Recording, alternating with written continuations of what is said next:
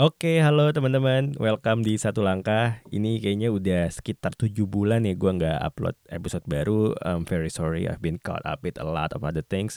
But now I'm back and I'm so happy to be back. So, let's go.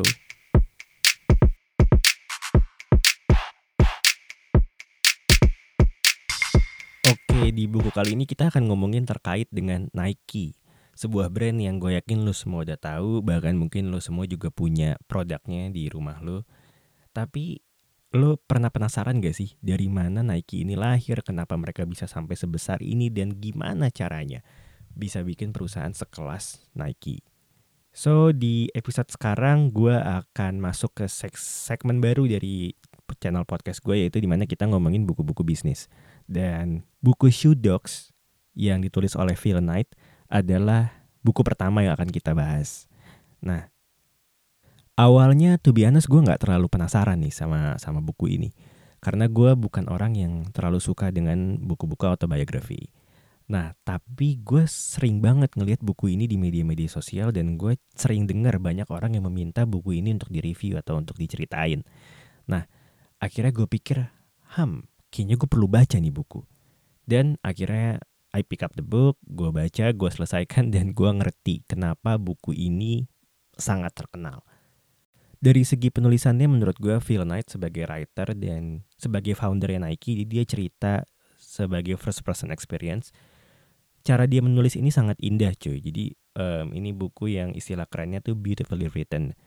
Yang mana kita sebagai pembaca bisa dibuat merasa dekat dengan penulis. Jadi ketika gue baca bukunya, ketika Phil Knight cerita tentang proses dia di dalam menjalankan Nike, ada beberapa momen di mana gue merasa kayak gue tuh ada di ruangan yang sama dengan dia. Kayak gue juga memikirkan masalah yang dia pikirkan. Seakan-akan gue co-foundernya gitu. Dan menurut gue itu salah satu skill penulisan yang udah agak langka di buku-buku sekarang, terutama di buku-buku bisnis. Nah, dari segi kontennya juga ini nggak nggak kalah gila, bro. Karena gini, menurut gue Phil Knight di bukunya tidak fokus ke mengajarkan pembaca tentang cara berbisnis. Dia tidak fokus kepada strategi-strategi bisnis, prinsip-prinsip bisnis, bukan bukan itu.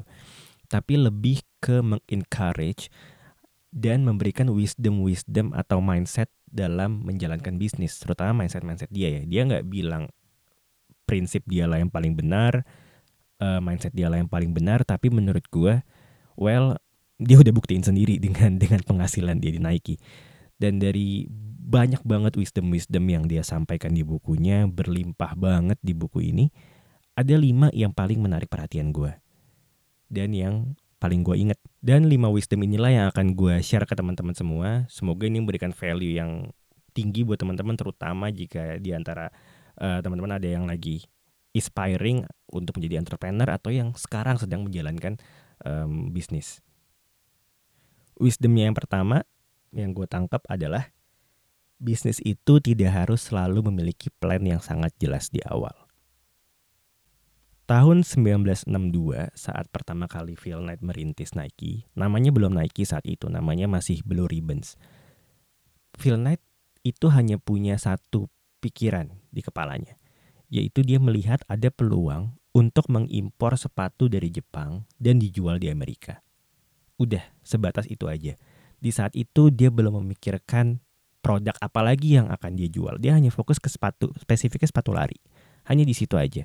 Dan dia belum memikirkan mengenai nama perusahaannya aja belum ada. Dia belum memikirkan tentang siapa yang akan menjadi partner dia, belum memikirkan tentang struktur perusahaannya. Itu semua nyusul uh, belakangan. Dia hanya fokus sama satu hal. Dan menurut dia itu cukup. Jadi slogan Nike yang kita lihat di mana-mana sekarang, uh, which is just do it, ini menurut gue sangat menggambarkan spiritnya Phil Knight sebagai foundernya. Gitu, ketika kita mulai, lalu kita adjust di jalan, dan yang penting kita tidak pernah berhenti. Itu yang selalu dia bilang. Dia menganalogikan bisnis itu seperti jogging, seperti lari. Ketika kita mau jogging, ketika kita mau mau running, kita tidak fokus sama tujuannya. Kita bukan lari karena kita pengen, ah gue lagi pengen beli nasi padang nih, gue mau lari. Ah, bukan itu kan. Kita lari karena kita butuh lari. The action of running itself lah yang kita cari, bukan destinasinya. Dan itulah yang dia analogikan ke bisnisnya. Yang mana the idea of running a business is to run it itself gitu. Bukan fokus sama tujuannya, bahkan dia pun nggak tahu what is the destination. Dia hanya lihat the idea of stopping itu menakutkan buat dia. Oke, lalu yang kedua, wisdomnya yang kedua adalah kemampuan untuk sell itu berakar dari kepercayaan kita terhadap produk yang kita jual. Sebelum membuka bisnis sepatunya, Phil ini bekerja sebagai salesperson dulu. Dia pernah uh, menjual ensiklopedia, dia juga pernah menjual produk-produk keuangan, tapi dia nggak pernah betul-betul thrive di sana. Dan ketika dia menganalisa kenapa ya ketika dia menjual sepatu itu performance dia melejit parah, melejit tinggi sekali. Dan setelah dia analisa dia menemukan ternyata saat dia menjual sepatu, dia ini tidak dalam kutip selling, tapi dia tanda kutip transferring beliefnya dia kepada customer-customernya. Jadi ketika dia menjual sepatu, dia ini betul-betul yakin bahwa dunia akan menjadi tempat yang lebih baik ketika lebih banyak orang yang berlari, ketika lebih banyak orang yang rajin jogging. Dan dia betul-betul yakin bahwa sepatu yang dijual itu akan mengincrease performance orang saat jogging. Bahkan lebih baik dibanding sepatu-sepatu yang saat itu lagi booming menguasai market which is Adidas dan Puma. So value yang gue tangkap dari pesan yang ini adalah when we want to start a business, ketika kita pengen jadi seorang entrepreneur, kita nggak harus menjual sesuatu yang kita suka sebenarnya. It doesn't have to be what we like, but it needs to be what we believe in itu perlu menjadi produk yang kita jual perlu menjadi produk yang kita yakini akan membantu orang lain akan solve problem orang lain dan serve a greater good than just membuat bisnis kita makin besar gitu lebih dari sekedar profit nah wisdom dia yang ketiga adalah it's okay to fail menurut Phil quote yang sering kita temukan tentang jangan pernah menyerah itu agak-agak terlalu dongeng gitu karena menurut dia it's okay untuk give up, it's okay untuk nyerah ketika bisnis yang kita jalankan memang tidak grow.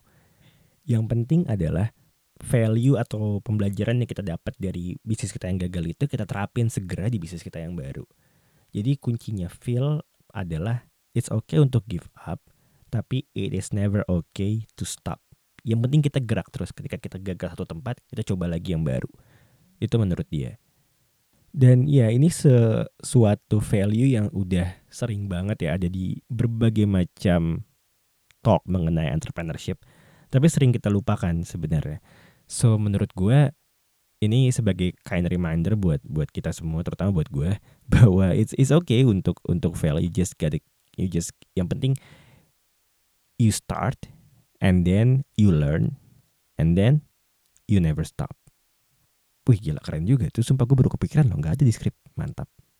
Oke okay, terus um, value yang keempat wisdom yang keempat adalah Menurut Phil uang bagi bisnis itu seperti bensin bagi mobil.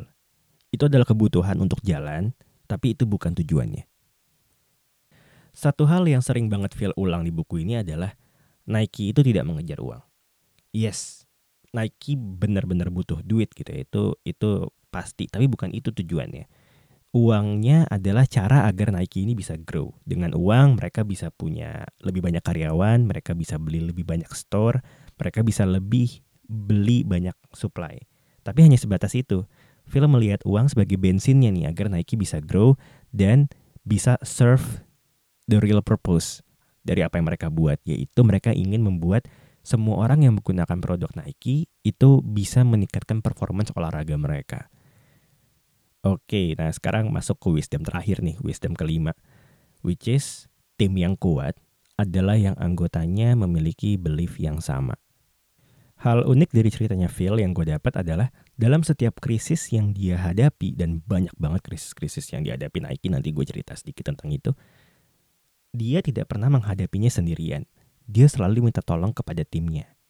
Nah, pertanyaannya adalah kenapa kok timnya mau gitu? Kenapa kok timnya loyal? Dari tahun 1962 ketika pertama kali um, film menjalankan bisnisnya sampai tahun 1970 dan saat itu Nike pun belum sukses gitu tahun tahun, tahun 78 tahun.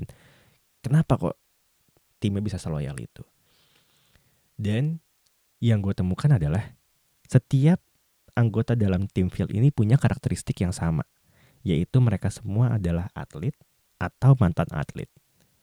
Jadi dengan itu, mereka share common belief, yaitu dunia akan lebih baik saat banyak orang yang berolahraga, saat banyak orang yang lari. Dan mereka yakin betul, mereka menguasai betul bahwa sepatu yang mereka jual itu akan membantu orang-orang itu. Dan gue belum lama nonton talk show-nya Phil di Stanford University. Dan di situ dia bilang bahwa kekuatan timnya itu, belief yang ada dalam timnya itu adalah salah satu alasan terbesar kenapa Nike bisa sesukses sekarang. Dari cerita ini gue makin yakin bahwa ketika kita menjalankan bisnis, kita harus betul-betul jeli ya uh, dalam mencari partner bisnis kita dalam membentuk tim inti dari bisnis kita. Karena sebenarnya kalau mencari partner partner bisnis itu itu sama kayak mencari pasangan buat nikah, Bro. Ya nggak sih gue pikir-pikir. Karena kan kita pengen bisnis kita everlasting. Kita pengen bisnis kita berjalan selama mungkin dan kita juga butuh kita bareng-bareng dengan partner itu selama umur bisnis kita berjalan. So, pastiin ketika kita tanda tangan, ketika kita salaman sama calon partner bisnis kita, pastiin bahwa gue dan lu punya belief yang sama and let's do this. Oke, itu 5 wisdom terbesar, termemorable yang gue baca dari buku Shoe Dogs.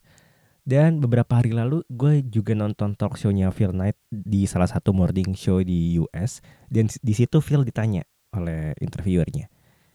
Advice apa yang bisa anda kasih untuk orang-orang yang lagi mau menjadi seorang entrepreneur?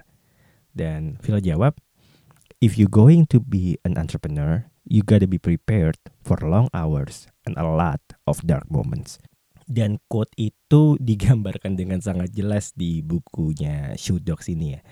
Karena banyak banget momen-momen yang meskipun gue udah tahu bahwa Nike Indian akan berhasil, tapi gue berasa wah gila krisis-krisis yang mereka hadapi itu seakan-akan kayak hampir nggak mungkin gitu untuk mereka lewati.